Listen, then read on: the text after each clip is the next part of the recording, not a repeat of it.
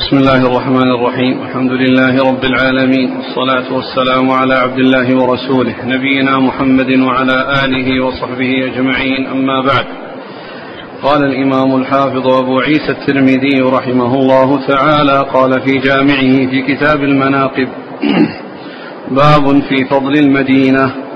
قال حدثنا قتيبة قال حدثنا الليث عن سعيد بن أبي سعيد المقبري عن عمرو بن سليم الزرقي عن عاصم بن عمر عن علي بن أبي طالب رضي الله عنه قال خرجنا مع رسول الله صلى الله عليه وسلم حتى إذا كنا بحرة السقيا التي كانت لسعد بن أبي وقاص فقال رسول الله صلى الله عليه وسلم ائتوني بوضوء فتوضأ ثم قام فاستقبل القبلة ثم قال اللهم إن إبراهيم كان عبدك ورس إن إبراهيم كان عبدك وخليلك ودعا لأهل مكة بالبركة وأنا عبدك ورسولك أدعوك لأهل المدينة أن تبارك لهم في مدهم وصاعهم مثلي ما باركت لأهل مكة مع البركة بركتين. قال هذا حديث حسن صحيح. قال وفي الباب عن عائشة وعبد الله بن زيد وأبي هريرة رضي الله عنهم أجمعين. بسم الله الرحمن الرحيم. الحمد لله رب العالمين وصلى الله وسلم وبارك على عبده ورسوله نبينا محمد وعلى آله وأصحابه أجمعين. أما بعد فيقول الإمام أبو عيسى الترمذي رحمه الله في جامعه باب في فضل المدينة. المدينة هي مدينة الرسول الكريم صلى الله عليه وسلم. وهو علم عليها. إذا قيل لفظ المدينة فإنه ينصرف إليها. فهو علم أطلق على هذه المدينة مدينة الرسول صلى الله عليه وسلم.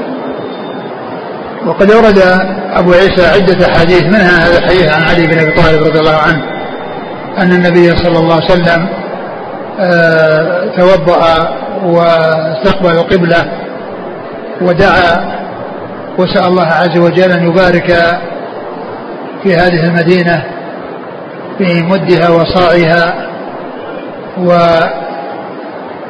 وأن الله وأن إبراهيم قد دعا لمكة وهو صلى الله عليه وسلم يدعو للمدينة بأن آه، يجعل البركة يعني فيها وأن يحصل لها من البركة مثل ما حصل لمكة التي دعا لأهلها إبراهيم الخليل عليه الصلاة والسلام.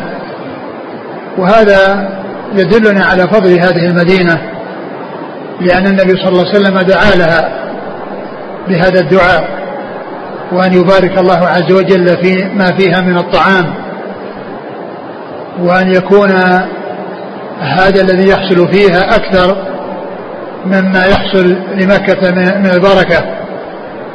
فهو دليل حديث واضح الدلالة على فضل هذه المدينة المباركة مدينة الرسول صلى الله عليه وسلم. أقرأ الحديث. عن علي بن أبي طالب رضي الله عنه قال خرجنا مع رسول الله صلى الله عليه وسلم حتى إذا كنا بحرة السقيا. نعم. التي كانت لسعد بن أبي وقاص. نعم. فقال رسول الله صلى الله عليه وسلم إيتوني بوضوء. نعم. فتوضأ ثم قام فاستقبل القبلة.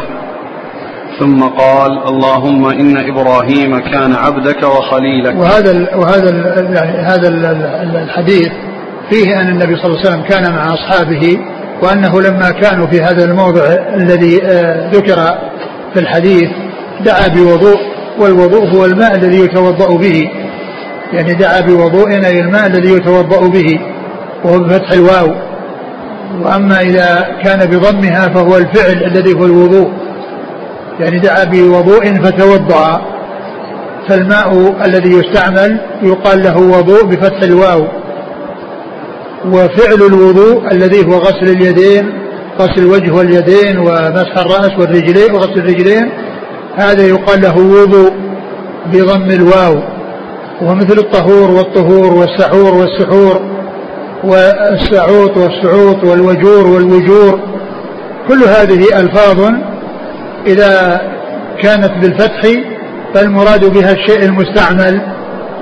وإذا جاءت وإذا كانت بالضم فإنه يراد بها الاستعمال ونفس الاستعمال. فتوضأ رسول الله صلى الله عليه وسلم وقام ورفع يديه. وهذا يعني يدل على أن استقبل القبلة وهذا يدل على استقبال القبلة في الدعاء وعلى أن الإنسان إذا كان على وضوء وعلى طهارة فإن ذلك أفضل وأولى. فدعا رسول الله صلى الله عليه وسلم ورفع يديه وسأل الله عز وجل أن يبارك في هذه المدينة وأن يجعل فيها من البركة ضعف ما حصل لمكة من البركة التي حصلت لها بدعاء إبراهيم الخليل عليه الصلاة والسلام. لأن الله تعالى لأن إبراهيم دعا لأهل مكة كما جاء في القرآن. أسكنتم من ذريتي بواد غير ذي زرع عند بيتك المحرم ربنا لكم الصلاة فجعل في من الناس تأويلهم وارزقهم من الثمرات. لعلهم يشكرون. وارزقهم من الثمرات. فهذا دعاء لأهل مكة. والرسول صلى الله عليه وسلم دعا بأن يبارك الله عز وجل في ما يحصل في المدينة من الطعام في أن يكون ذلك مثل ما حصل لمكة التي حصل الدعاء آه، فيها بالبركة فيها من إبراهيم الخليل عليه الصلاة والسلام. وقال عليه الصلاة والسلام في هذا اللهم إن آه، عبدك وخليلك إبراهيم دعا لأهل مكة وإني عبدك ورسولك أدعوك لأن تجعل في المدينة مثل ما جعلت في مكة من البركة. فإذا آه، الرسول الكريم صلى الله عليه وسلم دعا بهذه الدعوة الكريمة العظيمة لهذه المدينة المباركة بأن يجعل الله عز وجل فيها آه، آه، أضعاف ما حصل أو ضعف ما حصل في مكة من البركة. نعم. قال حدثنا قتيبة ابن سعيد ثقة. عن الليث الليث بن سعد المصري ثقة فقيه. أخرج أصحاب الكتب. عن سعيد بن أبي سعيد المقبري وهو المقبري سعيد بن أبي سعيد المقبري ثقة أخرج أصحاب الكتب. عن عمرو بن سليم الزرقي. وهو؟ ثقة أخرج أصحاب الكتب. نعم. عن عاصم بن عمر. وهو؟ ثقة أخرجه الترمذي والنسائي. نعم. عن علي بن أبي طالب. علي بن أبي طالب رضي الله عنه أمير المؤمنين ورابع الخلفاء الراشدين الهادين المهديين صاحب المناقب الجمة والفضائل الكثيرة رضي الله عنه وأرضاه. قال وفي الباب عن عائشة. عائشة أم المؤمنين رضي الله عنها نعم. وعبد الله بن زيد. عبد الله بن زيد بن عاصم أخرج له. أصحاب الكتب. نعم. وأبي هريرة. نعم. قال حدثنا عبد الله بن أبي زياد. قال حدثنا أبو نباتة. يونس بن يحيى بن نباتة. قال حدثنا سلمة بن وردان عن أبي سعيد بن المعلى. عن علي بن أبي طالب وأبي هريرة رضي الله عنهما أنهما قالا قال رسول الله صلى الله عليه وعلى آله وسلم ما بين بيتي ومنبري روضة من رياض الجنة. قال هذا حديث حسن غريب من هذا الوجه من حديث علي وقد روي من غير وجه عن أبي هريرة عن النبي صلى الله عليه وسلم. ثم ورد أبو عيسى هذا الحديث وهو في فضل بقعة من هذا المسجد المبارك وهي الروضة. وقد قال فيها صلى الله عليه وسلم ما بين بيتي ومنبري روضة من رياض الجنة. ما بين بيتي ومنبري روضة من رياض الجنة. فإن هذا الحديث في بقعة معينة من المسجد يدل على أن لهذه البقعة ميزة على غيرها من المسجد. وذلك بفعل آه، النوافل فيها وكذلك قراءة القرآن وذكر الله عز وجل فإن لها ميزة على غيرها من المسجد. وأما بالنسبة للفرائض فإن الصلاة في الصفوف الأول التي أمامها أفضل منها كقوله صلى الله عليه وسلم خير صفوف الرجال أولها وشرها آخرها وقوله صلى الله عليه وسلم لو يعلم الناس ما في النداء والصف الأول ثم لم يجدوا إلا أن يستهموا عليه لاستهموا عليه. فبالنسبة للفرائض الصفوف التي أمام الروضة أفضل منها وأما بالنسبة للنوافل فإن الحديث يدل على أن لها ميزة على غيرها مسجد و فإذا فعلت النوافل فيها فإنه يكون لها شأن. ومعلوم أن الصلاة بالمسجد النبوي بألف صلاة أو خير من ألف صلاة فيما سواه من المساجد إلى المسجد الحرام. و وهذا الحديث يدل على أن الروضة لها ميزة على غيرها وهذه إنما تكون بالنوافل. والإنسان إذا تيسر له أن يصلي في الروضة آه، آه، أن يتنفل فيها وكذلك يجلس في قراءة القرآن وذلك بحيث لا يؤذي أحدا ولا يضيق على أحد. وأما إذا كان الزحام موجودا والناس آه، يأتون إليها فالإنسان لا يبقى فيها ويضيق على الناس وإنما يترك المجال لغيره ولكنه يذهب ويصلي ويمشي.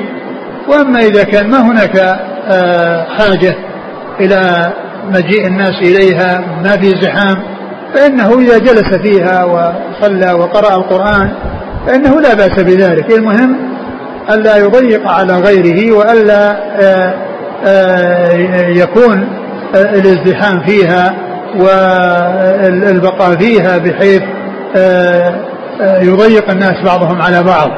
فإذا حصل ذلك بدون مضرة وبدون إلحاق ضرر فإن هذا آه، أمر مطلوب وينبغي. وأما إذا ترتب عليه الضرر فإن الإنسان لا يقدم على الضرر لأن الصلاة في الروضة مستحبة. وكون الإنسان آه، يؤذي فيها الإيذاء حرام. والإنسان لا يفعل لا يتوصل الأمر المستحب بحصول أمر فيه مضرة وبحصول ضرر على غيره. وهذا مثل الحجر الأسود. تقبيله مستحب ولكن إذا كان تقبيله لا يحصل إلا بإضرار بأحد في الوصول إليه أو عنده فإن الإنسان لا يرتكب الأمر المحرم الذي هو إيذاء الناس من أجل الوصول إلى أمر مستحب. فكذلك الشأن في الروضة. إذا كان هناك زحام والوصول إليها فيه مضرة وكذلك الازدحام فيها وكون الإنسان يزاحم فيها ويبقى فيها ويلحق الضرر بغيره من الناس فيها فإنه ليس له أن يفعل ذلك. وهذا فيه وصف لهذه البقعة بأنها روضة من رياض الجنة. بأنها روضة من رياض الجنة والعلماء تكلموا في معنى كونها روضة من رياض الجنة فمنهم من قال إنها تشبه الروضة وأنها كالروضة آه، ومنهم من قال إن العمل فيها يؤدي إلى الجنة والوصول إلى الجنة وقيل غير ذلك. والله سبحانه وتعالى آه، أعلم بالحقيقة والشيء الذي آه، أراده الرسول صلى الله عليه وسلم أو الذي جاء في هذا الحديث عن رسول الله عليه الصلاة والسلام. ولكن الحديث كما ذكرت يدل على تميز هذه البقعة وأن لها ميزة على غيرها من المسجد ولكن لا يسيء الإنسان إلى غيره في الوصول إليها أو فيها وإنما حيث تيسر له بدون إيذاء فإنه يفعل ذلك. وقد جاء فيه ذكر البيت والمقصود به بيت عائشة الذي كان فيه النبي صلى الله عليه وسلم والذي هو محاذي للمنبر. ف آه، قوله ما بين بيتي ومنبري هذا هو الذي جاءت به الروايات. وقد جاء في بعض الروايات ذكر القبر وقيل إن هذا تفسير بالمعنى وإلا فإن قبر النبي صلى الله عليه وسلم ما كان معلوما في حياته أنه يقبر في بيت عائشة. لم يكن ذلك معلوما وإنما المعلوم البيت. ولهذا قال بيتي ومنبري. أما ما بين قبري ومنبري فقد جاء في بعض الروايات فيكون ذلك من قبيل الرواية بالمعنى كما ذكر ذلك الحافظ بن حجر.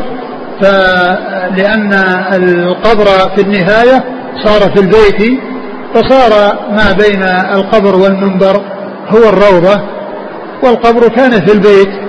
ولكن الروايات جاءت الروايات في الصحيحين وفي غيرهما جاءت في ذكر البيت وليس في ذكر القبر. القبر جاء في بعض الروايات.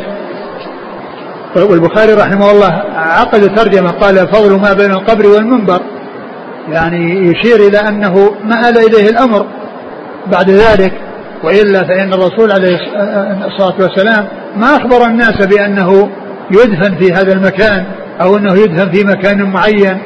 وما كان أعلم الناس بأن قبره يكون في بيت عائشة ولكنه لما توفي رسول الله صلى الله عليه وسلم وكان الصحابة رضي الله عنهم وأرضاهم تكلموا في أين يدفنونه صلى الله عليه وسلم فروى بعضهم عن النبي عليه الصلاة والسلام حديثا أنه قال إن الأنبياء يدفنون حيث يموتون أي المكان الذي يدفن يموت فيه النبي يدفن فيه. ولما كان صلى الله عليه وسلم مات في بيت عائشة دفن في بيت عائشة. وهذا من خصائصه صلى الله عليه وسلم. الدفن في البيوت والدفن في البنيان هو من خصائص الرسول صلى الله عليه وسلم. ليس لأحد أن يدفن أن يدفن في البنيان وأن آه، يبنى على القبور. ذلك لا يجوز. ولكن الرسول عليه الصلاة والسلام توفي في بيت عائشة والأنبياء يدفنون حيث يموتون فكان دفنه في البيت من خصائصه عليه الصلاة والسلام. وإلا فإنه لا يجوز أن يدفن الموتى في البيوت ولا أن يبنى بنيان على المقابر وعلى القبور بحيث آه، يبنى عليهم بنيان لا مساجد ولا غير مساجد كل ذلك لا يجوز. وإنما تكون القبور بدون بنيان عليها. ولهذا جاء النبي صلى الله عليه وسلم لا تجعلوا بيوتكم قبورا لا تجعلوا بيوتكم قبورا ولا تجعلوا قبري عيدا وصلوا علي فإن صلاتكم تبلغني حيث كنتم فإن لا بيوتكم قبورا يدخل فيه أنها آه، دفن الموتى في في, في, في, في البيوت ويدخل فيه كون البيوت تعامل معاملة المقابر بحيث لا يصلى فيها ولا يتعبد فيها لأن المقابر ليست أماكن للعبادة وأماكن للصلاة فإذا المطلوب أن البيوت يكون لها نصيب من النوافل ولا يكون شأنها شأن المقابر. بحيث لا يصلى فيها بل يصلى فيها لأنها تختلف عن المقابر. فإذا قوله صلى الله عليه وسلم لا تجعلوا بيوتكم قبورا يعني يدخل فيه أنه لا لا تكون البيوت أماكن للقبور بحيث يقبر الناس في البيوت وأيضا لا يكون تعامل البيوت معاملة المقابر بحيث أنها لا يصلى فيها بل يصلى فيها. وقد جاء النبي صلى الله عليه وسلم أنه قال أفضل صلاة الرجل في بيته أفضل إلى المكتوبة صلاة الرجل في بيته أفضل إلى المكتوبة هذا يدلنا على فضل الصلاة في البيوت. نعم. قال حدثنا عبد الله بن أبي زياد صدوق هو صدوق أخرج له. أبو داود الترمذي بن ماجه. نعم. عن أبي نباتة يونس بن يحيى. وهو صدوق أخرج له. البخاري المفرد والترمذي والنسائي بن ماجه. نعم. عن سلمة بن وردان. وهو ضعيف. البخاري المفرد والترمذي وابن ماجه. نعم. عن أبي سعيد بن المعلى. وهو مقبول أخرج له. الترمذي. نعم. عن علي بن أبي طالب وأبي هريرة. رضي الله تعالى عنهما. والحديث في في إسناده من هو متكلم فيه لكن الحديث ثابت في الصحيحين وفي غيرهما بهذا اللفظ ما بين بيتي ومنبري روضة من رياض الجنة. نعم. قال حدثنا محمد بن كامل المروزي قال حدثنا عبد العزيز بن أبي حازم الزاهد عن كثير بن زيد عن الوليد بن بن رياح عن أبي هريرة رضي الرباح. عن الوليد بن رباح. عن أبي هريرة رضي الله عنه عن النبي صلى الله عليه وسلم أنه قال ما بين بيتي ومنبري روضة من رياض الجنة. وبهذا الإسناد عن النبي صلى الله عليه وسلم قال صلاة في مسجدي هذا خير من ألف صلاة فيما سواه من المساجد إلا المسجد الحرام. قال هذا حديث حسن صحيح. وقد روي عن أبي هريرة رضي الله عنه عن النبي صلى الله عليه وسلم من غير وجه. ما ذكر حديث أبي هريرة وهو مثل ما تقدم ما بين بيتي ومنبري روضة من رياض الجنة. ما بين بيتي ومنبري روضة من رياض الجنة. وفيه أيضا صلاة في مسجدي هذا خير من ألف صلاة فيما سواه إلا مسجد الحرام. ففيه دليل على فضل الصلاة في هذا المسجد وأن الصلاة تضاعف فيه فتكون خيرا من ألف صلاة وهذا يشمل الفرائض والنوافل. لأنه لفظ عام لأن قوله صلاة في مسجدي لفظ مطلق يشمل الفرض والنفل فالفريضة بألف فريضة والنافلة بألف نافلة. الفريضة بألف فريضة والنافلة بألف نافلة. وهذا فضل عظيم من الله عز وجل بمضاعفة الأجر والثواب في الصلوات في هذا المسجد فرضها ونفلها لأنها تكون بهذا بهذه المضاعفة التي هي خير من ألف. ولا يستثنى ولا يقدم في آه، الصلاة يقدم آه، على هذا المسجد. غيره مساجد إلا المسجد الحرام. فإن الصلاة فيه بمئة, آه، بمئة ألف. يعني في غيره المساجد. وهي يعني أكثر من هذا المسجد بمئة صلاة. بمئة, بمئة صلاة. فهنا بألف وهناك بمئة. فتكون الصلاة في مسجد المسجد الحرام على غير المساجد بمئة ألف. لأن الصلاة في المسجد الحرام تزيد على هذا المسجد بألف بمئة. وإذا ضربت المئة بالألف تكون مئة ألف. فتكون الصلاة في المسجد الحرام خير من مئة, من مئة ألف صلاة في غيره من المساجد وتكون خيرا من هذا المسجد أو الصلاة في فيه المسجد الحرام خيرا من هذا المسجد بمئة صلاة. بمئة صلاة وهذا يدل على فضل الصلاة في هذين المسجدين وأن الصلاة في المسجد الحرام أفضل من الصلاة في مسجد الرسول الكريم صلى الله عليه وسلم. نعم. قال حدثنا محمد بن كامل المروزي. هو؟ ثقة أخرجه الترمذي والنسائي. نعم. عن عبد العزيز بن أبي حازم. وهو ثقة أخرج صدوق أخرج أصحاب الكتب. صدوق. نعم. نعم أخرج له. أصحاب الكتب. نعم. عن كثير بن زيد. وهو؟ صدوق يخطئ. أخرجه البخاري في القراءة وأبو داود. الترمذي وابن ماجه. نعم. عن الوليد بن رباح. وهو؟ صدوق. أخرجه البخاري تعليقا وأبو داود. الترمذي وابن ماجه. نعم. عن أبي هريرة. نعم. حد الروضة من جهة الجنوب والشمال. أما من جهة الجنوب فالأمر واضح. هو الحد الفاصل.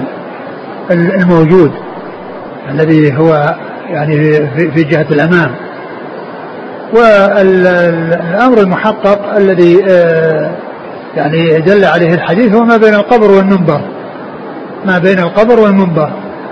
وأما يعني آه، سعتها ومقدارها وأنها يعني لا أدري عن التحديد ولكن الذي دل عليه الحديث ما بين القبر والمنبر.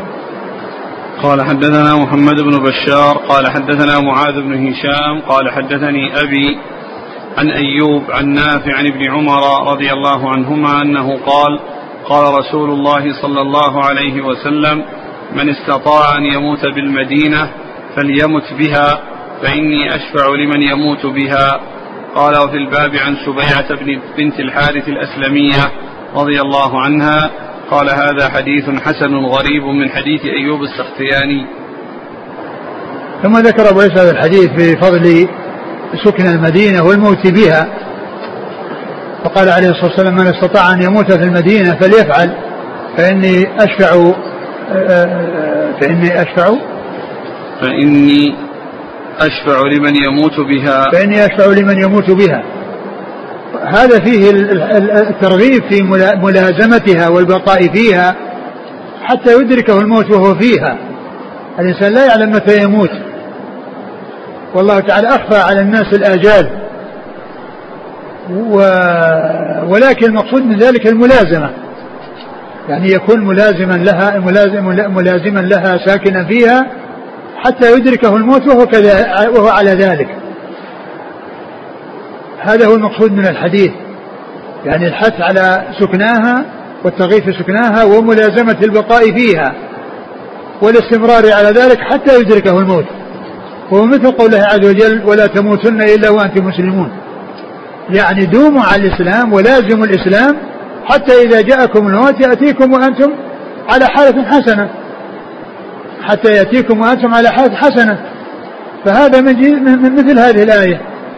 اتقوا الله يا ايها الذين اتقوا الله حق تقاته ولا تموتن إلا وأنتم مسلمون. يعني استمروا ولازموا الإسلام ودوموا على الإسلام حتى إذا جاءكم الموت يأتيكم وأنتم على حالة طيبة. وكذلك هنا من استطاع أن يموت في المدينة يعني بحيث يلازمها ويسكنها حتى يأتيه الموت وهو فيها وإلا فإن العلم بتحديد الآجال وأماكن الموت وكيف وفي أي مكان يحصل موت الإنسان هذا لا يعلمه إلا الله سبحانه وتعالى. ولكن المطلوب هو الترغيب في سكناها والبقاء فيها وملازمتها ليدركه الموت وهو فيها. وهذا من من من فضل من فضلها أن الرسول صلى الله عليه وسلم يشفع لمن مات فيها. نعم. قال حدثنا محمد بن بشار. ولكن لا يعني يعني الإنسان ان ان, أن أي إنسان يكون في المدينة وأنه يمكث فيها أنه على خير فإن البلاد المقدسة لا تقدس أهلها وإنما يقدس الإنسان عمله. لكن إذا كان الإنسان على خير وعلى عمل خير وفي بلد طيب نور على نور وخير إلى خير. أما إذا كان فيها وأساء أو كان على سوء فإن هذا زيادة شر وزيادة بلاء على الإنسان لأن الإساءة في البلد المقدس والمعاصي في المقدس البلد المقدس أخطر من غيرها في أخطر يعني من من غيرها من البلاد التي ليس فيها آه، قداسة وليس فيها تقديس. فمن يعصي الله في الحرم ليس كمن يعصيه بعيدا عن الحرم من يعصي الله في الحرم ليس كمن يعصيه بعيدا عن الحرم يعني هذا أشد من هذا. والسيئات لا تضاعف. وإنما يكون آه، شأنها بالكيفية والخطورة. فإن السيئة في الحرم أعظم من السيئة في مكان آخر. ولكن لا تضاعف السيئة سيئتين ولكن السيئة في المكان المقدس أعظم منها في غيره من الأماكن الأخرى التي لا تقديس فيها. نعم. حدثنا محمد بن بشار. هو ثقة أخرج أصحاب الكتب. عن معاذ بن هشام. صدوق أخرج أصحاب الكتب. عن أبيه ثقة أخرج أصحاب الكتب. عن أيوب. أيوب بن أبي تيمية السختياني ثقة أخرج أصحاب الكتب. عن نافع. نافع مولى بن عمر ثقة أخرج أصحاب الكتب. عن ابن عمر. رضي الله عنهما نعم. وفي الباب عن سبيعة بنت الحارث. أخرج حديثها. أصحاب الكتب إلا الترمذي. نعم. قال حدثنا محمد بن عبد الأعلى قال حدثنا المعتمر بن سليمان قال سمعت عبيد الله بن عمر عن نافع عن ابن عمر رضي الله عنهما أن مولاة له أتته فقالت اشتد علي الزمان وإني أريد أن أخرج إلى العراق. قال فهلا إلى الشام أرض المنشر اصبري لكاع. اصبري لكاعي. اصبري لكاعي. يعني يا لكاعي. فإني سمعت رسول الله صلى الله عليه وسلم يقول من صبر على شدتها ولأوائها كنت له شهيدا أو شفيعا يوم القيامة. قال وفي الباب عن أبي سعيد وسفيان بن أبي زهير وسبيعة الأسلمية. قال وهذا حديث حسن صحيح غريب من حديث عبيد الله. ثم ذكر هذا الحديث في الصبر على لأوائها وشدتها وأن الرسول صلى الله عليه وسلم يكون شهيدا أو شفيعا له يوم القيامة. فهذا فيه الترغيب في بقائها ولو حصل للإنسان شدة وحصل يعني آه، ضيق في المعيشة وقلة ذات اليد فإن الإنسان يصبر على لأوائها ومشقتها ليحصل هذا الأجر العظيم الذي وعد به الرسول الكريم صلى الله عليه وسلم وأخبر أنه يكون شهيدا أو شفيعا لمن يكون آه، لمن يصبر على اللأواء والشدة. و ولهذا لما جاءت هذه المولاة إلى عبد الله بن عمر وطلبت وقالت إنها يعني حصل لها ضيق وأن حصل لها شدة وأنها تريد أن تذهب إلى العراق قال فهل إلى الشام أرض المنشر يعني أن ليس المقصود من ذلك ترغيبها في مكان آخر ولكن آه، آه، الإرشاد إلى أن بعض الأماكن يعني في غير المدينة بعضها أولى من بعض فالشام أولى من العراق لأن الشام جاء في فضلها أحاديث وجاء الدعاء لها بالبركة اللهم بارك لنا في شامنا وفي يمننا. بخلاف العراق فإنه ما حصل لها مثل ما حصل لغيرها ولكن أرشدها إلى أنها تبقى ولا تذهب لا إلى العراق ولا إلى غيره. ولكنه أرشدها إذا كان هناك خروج أو لا بد من خروج فإنه يكون للمكان الذي يكون أولى ويكون فيه آه، فضيلة وله ميزة على غيره. والمقصود من, من هذا أنه أرشدها إلى أن تبقى وأن تصبر. وقال لها اصبري لكاعي يعني يا لكاعي. وهذه كلمة يعني آه تقال في حق من آه يعاتب ومن آه يعني يوجه إليه عتاب لكونه حصل منه آه، شيء لا ينبغي أن يحصل منه أو أنه أراد شيئا لا ينبغي له أن يفكر فيه أو أن يرغب فيه أو يتجه إليه. ثم أخبر عن النبي صلى الله عليه وسلم أن من يصبر على لأوائها وشدتها يكون النبي صلى الله عليه وسلم له شهيدا أو شفيعا يوم القيامة. والمقصود من ذلك أنه يكون جامعا بين الأمرين يكون شهيدا وشفيعا. وهذا مما تكون فيه أو بمعنى الواو لأن أو تأتي بمعنى الواو مثل قول الله عز وجل عذرا أو نذرا. عذرا أو نذرا يعني عذرا ونذرا لأن الإعذار والإنذار الإعذار والإنذار يعني مع بعض. نعم. قال حدثنا محمد بن عبد الأعلى. هو الصنعاني وهو ثقة أخرجه مسلم وأصحاب السنن. نعم. عن المعتمر بن سليمان. ثقة أخرج أصحاب الكتب. عن عبيد الله بن عمر. وهو العمري المصغر ثقة أخرج أصحاب الكتب. وفي الباب عن أبي سعيد. أبو سعيد الخدري سعد بن مالك بن سنان أحد أحد المكثرين من حديث الرسول صلى الله عليه وسلم. وسفيان بن أبي زهير. أخرج له. البخاري ومسلم والنسائي وابن ماجه. نعم. قال حدثنا أبو السائب سلم بن جنادة قال أخبرنا أبي جنادة بن سلم عن هشام بن عروة عن أبيه عن أبي هريرة رضي الله عنه أنه قال قال رسول الله صلى الله عليه وآله وسلم آخر قرية من قرى الإسلام خرابا المدينة. قال هذا حديث حسن غريب لا نعرفه إلا من حديث جنادة عن هشام بن عروة. قال تعجب محمد بن إسماعيل من حديث أبي هريرة هذا. ثم أبو عيسى هذا الحديث في فضل المدينة وهي أن آخر قرية من قرى الإسلام آه، خرابا المدينة يعني مع أنها تستمر عامرة وأنها تكون آخر ما يخرب وهذا فيه فضيلة لها لكون غيرها يقرب قبلها وهي يتأخر خرابها يكون بعده لكن الحديث في إسناده آه، جنادة ابن سلم وهو آه، قال فيه الحافظ تقريبا إنه صدوق له أخطاء. ولكن الذين ضعفوه آه، أكثر من من وثق الذي وثقه ابن حبان وابن خزيمة ابن خزيمة وابن حبان. لكن آه الذين ضعفوه عدد يعني كثير. أو أكثر من هؤلاء فضعف الحديث بسببه فضعف الحديث بسببه. نعم. قال حدثنا أبو السائب سلم بن جنادة هو؟ ثقة مثل الترمذي وابن ماجه. نعم. عن أبيه جنادة بن سلم. وهو صدوق؟ له أغلاط نعم. له الترمذي. وقيل إن هذا من مناكيره يعني هذا عدة من مناكير يعني هذا نعم. عن هشام بن عروة. هشام بن عروة ثقة أخرج أصحاب الكتب. عن أبيه أبوه عروة ثقة أخرج أصحاب الكتب.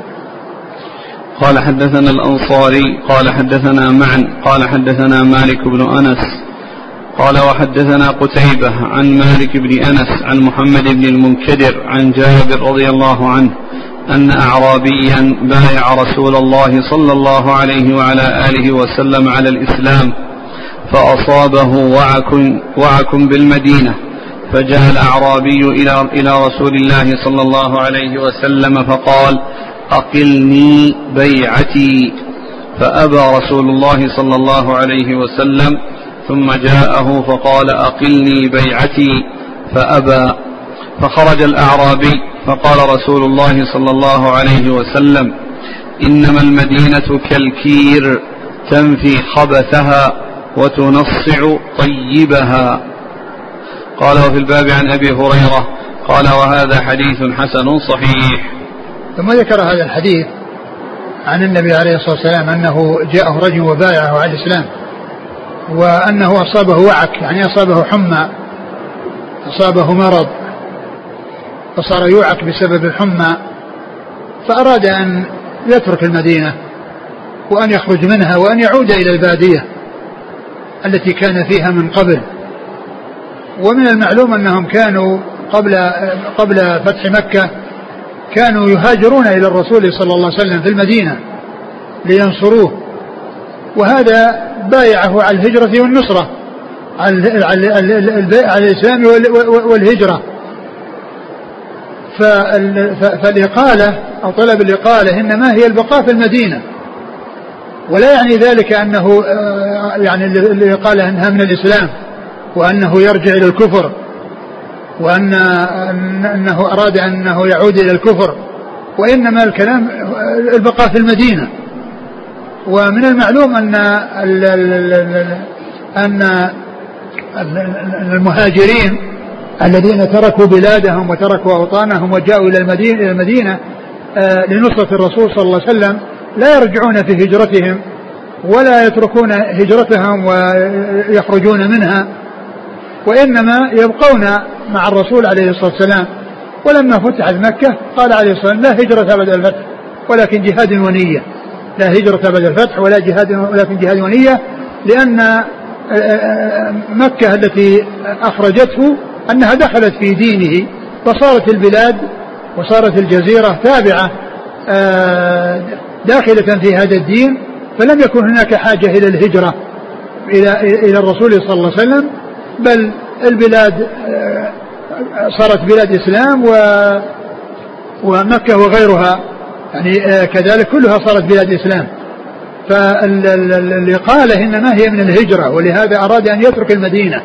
لا أنه يترك الإسلام لا أنه يترك الإسلام وإنما المقصود ترك البقاء. ولهذا جاء في بعض الأحاديث أن رجلا جاء وأراد أن يهاجر. وأن يبقى في المدينة والرسول قال إن كان الهجرة عظيم فهل لك من إبل أو كذا؟ قال نعم قال يعني كن علي في رعايتها فيما وراء البحار فيما وراء البحار يعني المدن. ف فأرشده صلى الله عليه وسلم يعني لأنه خشي أنه يرجع عن عن هجرته وأنه ما يبقى وأن ما نفسه آه، يحصل له الصبر. على المدينة كهذا الذي حصل لهذا الأعرابي الذي أراد أن يرجع لما حصل له وعك فالذي يظهر أن الإقالة إنما هي من الهجرة والبقاء في المدينة وليس الإقالة من الإسلام وأن يرجع إلى الكفر وأن يكون كافرا. نعم. إنما المدينة كالكير. ثم قال إنما المدينة كالكير. آه تنفي خبثها. الكير هو ال- ال- ال- الذي ينفخ فيه على النار على الفحم بحيث يوضع الحديد ثم إذا اشتد إصابة يعني حصل له أحرقته النار أو النار يضرب ويطرق فيخرج الزائف ويبقى الحديد الجيد. فكذلك المدينة هي مثل الكير. يعني يذهب الخبيث ويبقى الطيب. قال تنفي خبثها وتنصع طيبها. تنصع طيبها يعني ينصع ويكون واضح في نصوع ووضوح ولمعان. يعني بخلاف الرديء الذي آه، آه، يخرج من الحديد عندما يضرب بالمطرقة فإنه يخرج الرديء ويبقى الجيد. فهذا مثل ضربه النبي صلى الله عليه وسلم للمدينة ومن لمن يرغب عنها ومن آه، يعني يبقى فيها محتسبا صابرا فإن هذه تنصع طيبها.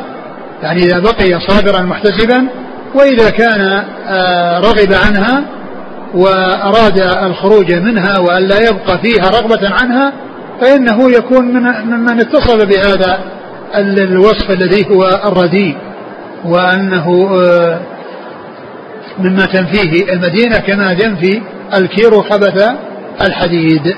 نعم. قال حدثنا الأنصاري. هو إسحاق بن موسى ثقة أخرجه مسلم والترمذي والنسائي وابن ماجه. عن معن. معنى بن عيسى ثقة أخرج أصحاب الكتب. عن مالك بن أنس. هو إمام دار الهجرة. وقال وحدثنا قتيبة عن مالك عن محمد بن المنكدر. قتيبة ثقة وهذا آه، اسنادان من الترمذي إلى مالك أحدهما عالي والثاني نازل فالعالي هو الذي فيه قتيبة وحده والنازل هو الذي فيه الأنصاري ومعنى بن عيسى. لأنهما طريقان إلى مالك آه، أحد الطريقين فيه رجل واحد وهو قتيبة والطريق الثاني فيه رجلان وهما إسحاق بن موسى الأنصاري ومعنى بن عيسى. نعم. عن محمد بن منكدر هو ثقة. عن جابر. نعم. وهو أحد السبع المكثرين من حديث الرسول صلى الله عليه وسلم. هل هذا أن المدينة كالكير تنفي خبثها وتنصع طيبها؟ مثلا تنفي خبثها. خاص في وقت النبي صلى الله عليه وسلم إذ أن المدينة كما في الواقع قد يدخل فيها ويسكن فيها من هو من أهل البدع ولم يخرج. نعم هذا صحيح. لأن المدينة ليس كل من يكون فيها يعني يكون آه، طيبا بل يكون فيها الطيب والرديء. ففي زمنه صلى الله عليه وسلم فيها المنافقون.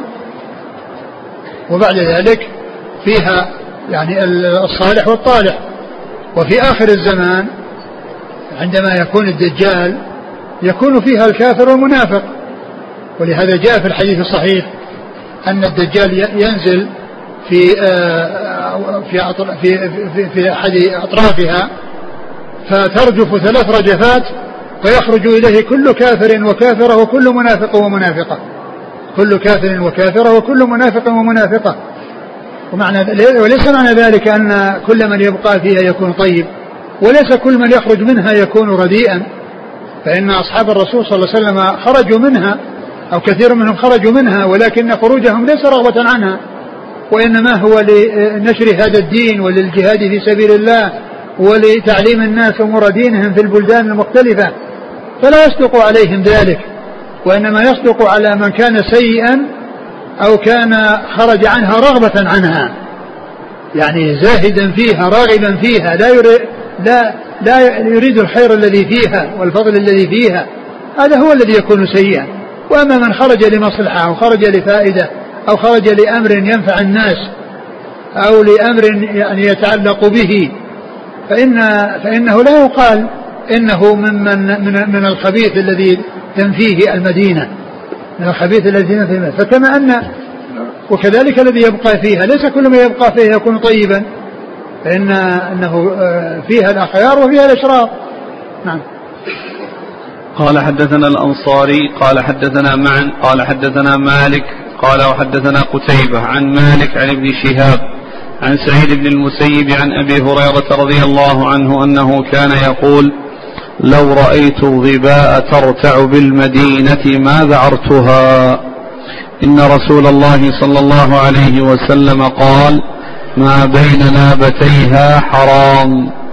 قال وفي الباب عن سعد وعبد الله بن زيد وأنس وأبي أيوب وزيد بن ثابت ورافع بن خديج وسهل بن حنيف وجابر رضي الله عنهم أجمعين. قال هذا قال حديث أبي هريرة حديث حسن صحيح.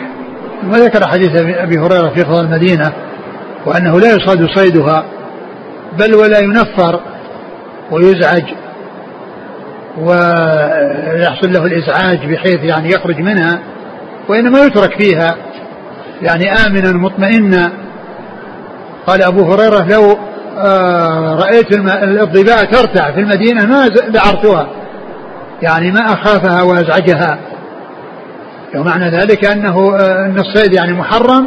بل يعني إيذاء الصيد وإلجائه إلى أن آه، ينفر. أيضا ذلك لا يجوز. قال لأن المدينة حرام. يعني معنى حرم. ومعنى ذلك أنه لا يصعد الصيد ولا يقطع الشجر كما جاء في في بعض الأحاديث الأخرى. فلا يصاد الصيد بل ولا ينفر. بل ولا ينفر وإنما يترك لأنه في مكان آمن. لأن المدينة حرم كما أن مكة حرم. والمدينة أظهر حرمتها رسول الله صلى الله عليه وسلم ومكة أظهر حرمتها إبراهيم الخليل عليه الصلاة والسلام. نعم.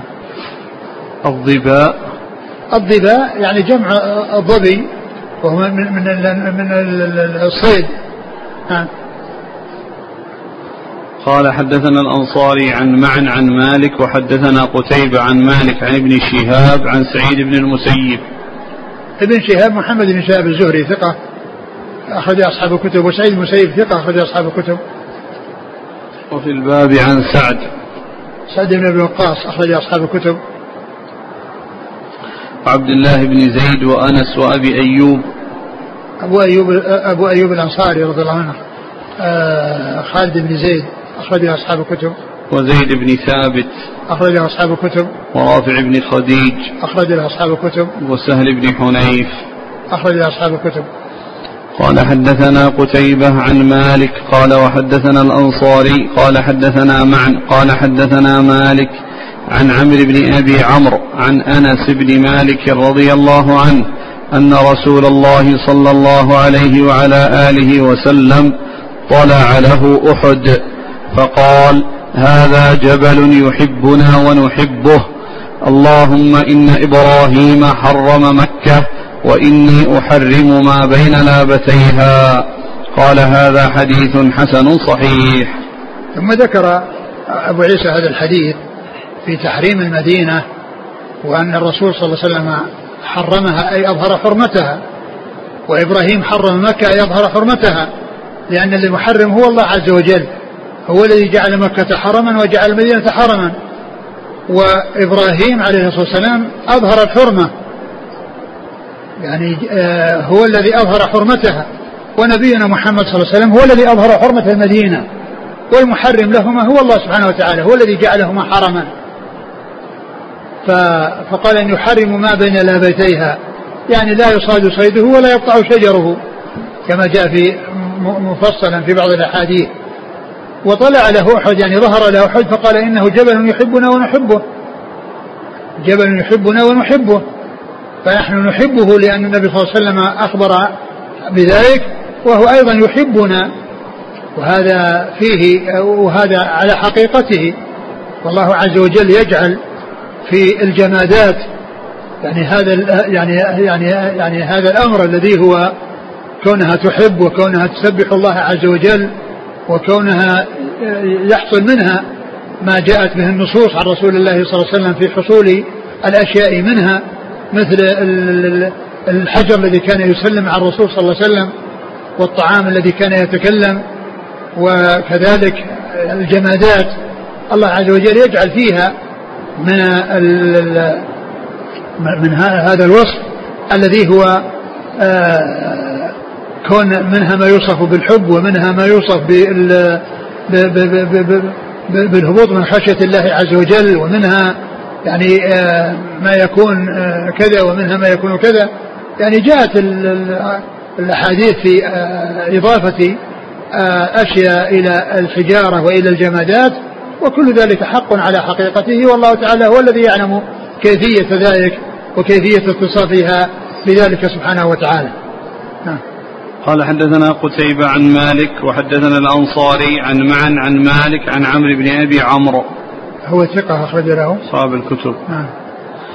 قال حدثنا الحسين بن حريث قال حدثنا الفضل بن موسى عن عيسى بن عبيد عن غيلان بن عبد الله العامري عن أبي زرعة بن عمرو بن جرير عن جرير بن عبد الله رضي الله عنه عن النبي صلى الله عليه وعلى آله وسلم أنه قال إن الله أوحى إلي أي هؤلاء الثلاثة نزلت فهي دار هجرتك المدينة أو البحرين أو قنسرين.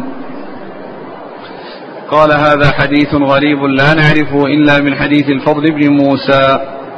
وذكر أبو عيسى هذا الحديث الذي فيه المدينة ومعها غيرها وأن أي بلد هاجر إليه أو أراده فإنه دار هجرته. يعني إما المدينة أو قنسرين وهي من بلاد الشام أو البحرين التي هي بين ال ال يعني بين العراق وعمان. يعني بين العراق وعمان. ف هذه الأماكن الثلاثة هي دار هجرته ما إذا أحب أن يذهب إلى واحد منها فهو محل هجرته. لكن الحديث غير صحيح لأن في إسناده آه، آه، غيلان غيلان بن عبد الله وهو لين الحديث. نعم. قال حدثنا الحسين بن حريث هو ثقة أخرج له أصحاب الكتب إلا ابن ماجه. عن الفضل بن موسى. ثقة أخرج أصحاب الكتب. عن عيسى بن عبيد. وهو صدوق أخرج له. أبو داود والترمذي والنسائي. عن غيلان بن عبد الله العامري. لين الحديث أخرج له. الترمذي. عن أبي زرعة بن عمرو بن جرير. وهو ثقة أخرج أصحاب الكتب. عن جرير بن عبد الله. عن جرير بن عبد الله رضي الله تعالى عنه أخرج له أصحاب الكتب. والحديث ذكر الشيخ الألباني أنه موضوع لكن ما يظهر وجه لكونه موضوعا لأن الذي كنت كلم فيه هو عثمان هذا هو غيلان ولم يذكر فيه يعني شيء يتعلق بكذبه أو اتهامه بالكذب. فلا أدري يعني هل هذا خطأ يعني في الكتابة أو ماذا؟ نعم. قال حدثنا محمود بن غيلان قال حدثنا الفضل بن موسى قال حدثنا هشام بن عروة عن صالح بن أبي صالح عن أبيه عن أبي هريرة رضي الله عنه أن رسول الله صلى الله عليه وآله وسلم قال لا يصبر على لأواء المدينة وشدتها أحد إلا كنت له شهيدا أو شفيعا يوم القيامة. قال وفي الباب عن أبي سعيد وسفيان بن أبي زهير وسبيعة الأسلمية رضي الله عنهم. قال وهذا حديث حسن غريب من هذا الوجه. قال وصالح بن أبي صالح أخو سهيل بن أبي صالح. ثم ذكر هذا الحديث الذي يصبر على شدتها يكون النبي صلى الله عليه وسلم له شهيدا أو شفيعا يوم القيامة. وهذا مثل الذي تقدم يعني بهذا بهذا اللفظ أن من يصبر على الأوائل وشدتها يكون النبي صلى الله, عليه وسلم له شهيدا أو شفيعا يوم القيامة. نعم. قال حدثنا محمود بن غيلان ثقة أخرج أصحاب الكتب إلا أبا داود. عن الفضل بن موسى عن هشام بن عروة عن صالح بن أبي صالح. وهو ثقة أخرج له. مسلم والترمذي نعم. عن أبيه. أبوه صالح أبو أبوه ذكوان أبو صالح السمان ثقة أخرج أصحاب الكتب. باب في فضل مكة. قال رحمه الله تعالى باب في فضل مكة. قال حدثنا قتيبة قال حدثنا الليث عن عقيل عن الزهري عن أبي سلمة عن عبد الله بن عدي بن حمراء الزهري. قال رأيت رسول الله صلى الله عليه وسلم واقفا على الحزورة. فقال والله إنك لخير أرض الله وأحب أرض الله إلى الله ولولا أني أخرجت منك ما خرجت. قال أبو عيسى هذا حديث حسن غريب صحيح.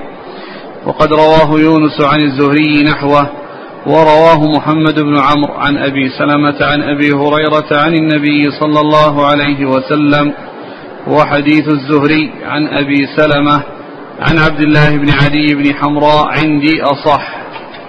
ثم ذكر أبو عيسى فضل مكة وأورد فيه هذا الحديث عن النبي عليه الصلاة والسلام أنه قال أنه وقف بالحزورة أو الحزورة وهو مكان بمكة عندما أراد أن يهاجر أو عندما هاجر وقال إنك خير بلاد الله وأحب بلاد الله إلى الله ولولا أنني أخرجت ما خرجت. فهذا فيه بيان فضل مكة وأنها أحب البقاع وأفضل البقاع لأنها قال خير خير البلاد وأحب البلاد إلى الله. فيدخل في ذلك سائر البلاد. ومنها هذه المدينة. وهي التي تليها في الفضل. المدينة تلي مكة في الفضل. والحديث يدل على فضل مكة. وتفضيلها على المدينة. وتقديمها عليها. الحديث واضح الدلالة على فضل مكة وتقديمها على المدينة. وقد جاء في حديث آه، آه، فيه أن منسوب إلى الرسول صلى الله عليه وسلم أنه قال أن اللهم أنك أخرجتني من أحب البلاد إلي فأسكني أحب البقاع البلاد إليك. البلاد إلي يعني مكة فأسكني أحب البلاد إليك يعني المدينة. وهذا يخالف هذا الحديث الصحيح الذي آه، ذكره المصنف. ولكن هذا الحديث غير صحيح بل هو موضوع. وأيضا هو فاسد من حيث المعنى. لأن مقتضى هذا الحديث أن يكون الأحب إلى الرسول غير الأحب إلى الله. الأحب إلى الرسول صلى الله عليه وسلم غير الأحب إلى الله. مع أن محبة الرسول صلى الله عليه وسلم هي تابعة لمحبة الله. وما كان أحب إلى الله فهو الأحب إلى رسول الله عليه الصلاة والسلام. ولا يصح أن يكون الأحب إلى الله شيء والأحب إلى الرسول صلى الله عليه وسلم شيء. بل الأحب إلى الرسول عليه الصلاة والسلام الأحب الأحب إلى الله هو الأحب إلى رسول الله عليه الصلاة والسلام لأن محبة الرسول عليه الصلاة والسلام تابعة لمحبة الله. فما كان أحب إلى الله فهو الأحب إلى رسول الله عليه الصلاة والسلام. وعلى هذا فالحديث آه، لا يحتج به ولا يعول عليه ولا يلتفت إليه وإنما التعويل على هذا الحديث الذي قال فيه النبي صلى الله, صلى الله عليه وسلم إنك خير بلاد الله وأحب بلاد الله إلى الله ولولا أنني أخرجت لما خرجت. نعم. قال حدثنا قتيبة عن الليث عن عقيل. عقيل بن خالد بن عقيل ثقة أخرج أصحاب الكتب. عن الزهري عن أبي سلمة عن عبد الله بن عبد بن عدي بن حمراء. أبو سلمة بن عبد الرحمن بن عوف ثقة أخرج أصحاب الكتب والصحابي أخرج له. الترمذي والنسائي وابن ماجه. نعم. قد رواه يونس عن الزهري. يونس بن يزيد الأيلي ثقة اخرج أصحاب الكتب. ورواه محمد بن عمرو عن أبي سلمة. وهو صدوق محمد بن عمرو بن علقمة بن وقاص الليثي صدوق أخرج له أصحاب الكتب. قال حدثنا محمد بن موسى البصري قال حدثنا الفضيل بن سليمان عن عبد الله بن عثمان بن خثيم قال حدثنا سعيد بن جبير وأبو الطفيل رضي الله عنه عن ابن عباس رضي الله عنهما أنه قال قال رسول الله صلى الله عليه وآله وسلم لمكة ما أطيبك من بلد وأحبك إلي ولولا أن قومي أخرجوني منك ما سكنت غيرك. قال أبو عيسى هذا حديث حسن غريب من هذا الوجه. وهذا أيضا في فضل مكة وأنها يعني آه الرسول يقول ما أطيبك وما أحبك إلي. ولولا أنني أخرجت ما خرجت يعني ولولا أنني أخرجت ما خرجت فهذا يبين أن مكة يعني آه أن الرسول صلى الله عليه وسلم يحب مكة وأن محبة تابعة لمحبة الرسول محبة الله سبحانه وتعالى لأنها أحب البلاد إلى الله. فكذلك الرسول صلى الله عليه وسلم يقول ما أحبها ما أطيبها وما أحبها إليه. ولكن الذي أخرج ولكن خروجه منها إنما كان بسبب أهلها الذين أهل مكة الذين آذوه واضطروه إلى الخروج فهاجر إلى المدينة صلوات الله وسلامه وبركاته عليه. نعم. قال حدثنا محمد بن موسى هو؟ لين نعم. الترمذي والنسائي. نعم. عن الفضيل بن سليمان. وهو؟ صدوق له خطأ كثير نعم. أصحاب الكتب. نعم. عن عبد الله بن عثمان بن خثيم. وهو؟ صدوق البخاري تعليقا ومسلم وأصحاب السنن. نعم. عن سعيد بن جبير. ثقة أخرج أصحاب الكتب. وأبي الطفيل. أبو الطفيل أخرج له. أصحاب الكتب. نعم. عن ابن عباس. نعم. انتهى. نعم. والله تعالى أعلم. وصلى الله وسلم وبارك على عبده ورسوله نبينا محمد وعلى آله وأصحابه أجمعين. جزاكم الله خيرا وبارك الله فيكم. والهمكم الله الصواب ووفقكم للحق. ونفعنا الله بما سمعنا وغفر الله لنا ولكم وللمسلمين أجمعين. آمين. يقول السائل هل طلب العلم في المدينة له مزية على غيرها من حيث البركة؟ البقاء في المدينة كما هو معلوم وكما جاء في الأحاديث آه، عرفنا ما يدل على فضله ولا شك أن الإنسان إذا بقي فيها وهي وهي بلد مبارك وفيه هذا الفضل ثم أيضا اشتغل بالعلم فلا شك أن هذا خير على خير ونور على نور وفيه أخذ العلم من المدينة التي ظهر فيها العلم. لأن العلم إنما ظهر من رسول الله صلى الله عليه وسلم في مكة والمدينة. فمنها يعني ظهر العلم ومنها ظهر الحق والهدى وانتشر الهداة المصلحون إلى أقطار الأرض لإخراج الناس من الظلمات إلى النور. فلا شك أن طلب العلم فيها لا شك له ميزة. لأن لأن الإنسان يطلب العلم في مدينة العلم التي ظهر منها العلم وفيها الفضل فيكون الإنسان جمع بين الفضائل يعني فضل المكان وفضل وفضل العلم الذي يتعلمه. نعم. أما فضل المسجد؟ وأما بالنسبة للمسجد ففضله آه كما هو معلوم في آه مضاعفة الصلاة فيه.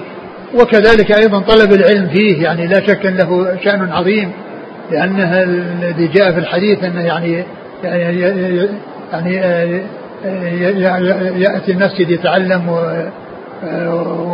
ويستفيد يعني علما. جاء في الحديث في هذا. نعم. يقول سمعت أحد المشايخ يقول في حديث ما بين بيتي ومنبري روضة من رياض الجنة هذا في زمن النبي صلى الله عليه وسلم لأنه كانت تقام في حلقات الذكر. في ذلك الموضع. لا هو مستمر. أقول الحكم مستمر ليس مخصوصا في زمن معين. هل ترك المجال للغير كي يتنفل في الروضة من باب الإيثار في العبادات؟ آه، آه، كون الإنسان يعني يبقى فيها ويستمر فيها والناس يجتمعون فيها معنى ذلك في إيذاء للناس. في إيذاء للناس فالإنسان يعني كما أنه غيره يريد أن يحصل مكان لا ينبغي لأناس أن يستغلوها وحدهم وأن يحتكروها وحدهم وأن لا يفسحوا المجال لغيرهم. بل هو مثل الحجر الأسود يعني يأتي الإنسان ويقبله ويمشي أو يستلمه ويمشي. وإذا كان الوصول إليه لا يحصل بمضرة تلحق أحدا في الطريق إلى الوصول إليه أو عنده فإنه لا يرتكب الأمر المحرم. ثم لا يقال هذا من الإيثار وإنما هذا من كل إنسان يستفيد ويترك غيره يستفيد. هل لقطة المدينة لا تجوز إلا لمن أراد أن يعرفها مثل لقطة الحرم المكي؟ نعم جاء فيها الحديث. جاء في حديث أنها يعني أنها مثل مكة. من ناحية أنها لا تلتقط إلا لمنشد الذي يعني يعرفها. وذلك أن مكة مثل المدينة. يعني إنما جاءت صارت لقطة مكة ولقطة المدينة لأن الناس يترددون إليها. يترددون إليهما يأتون إليهما. فالإنسان إذا ضاع له شيء يمكن بعد سنوات يأتي يسأل عنه. لأن هذين البلدين يرتادهما الناس للحج والعمرة في مكة وللإتيان إلى هذا المسجد المبارك وزيارته والصلاة فيه وتحصيل الأجر الذي جاء فيه. آه، فالناس يترددون على هذين على الحرمين. ف آه، لا لا يعرفها الإنسان سنة ثم يأخذها لأنه قد يأتي أصحابها بعد سنة أو سنتين لأنهم جاءوا راحوا ثم يأتون لمدينة المدينة ومكة مرة ثانية.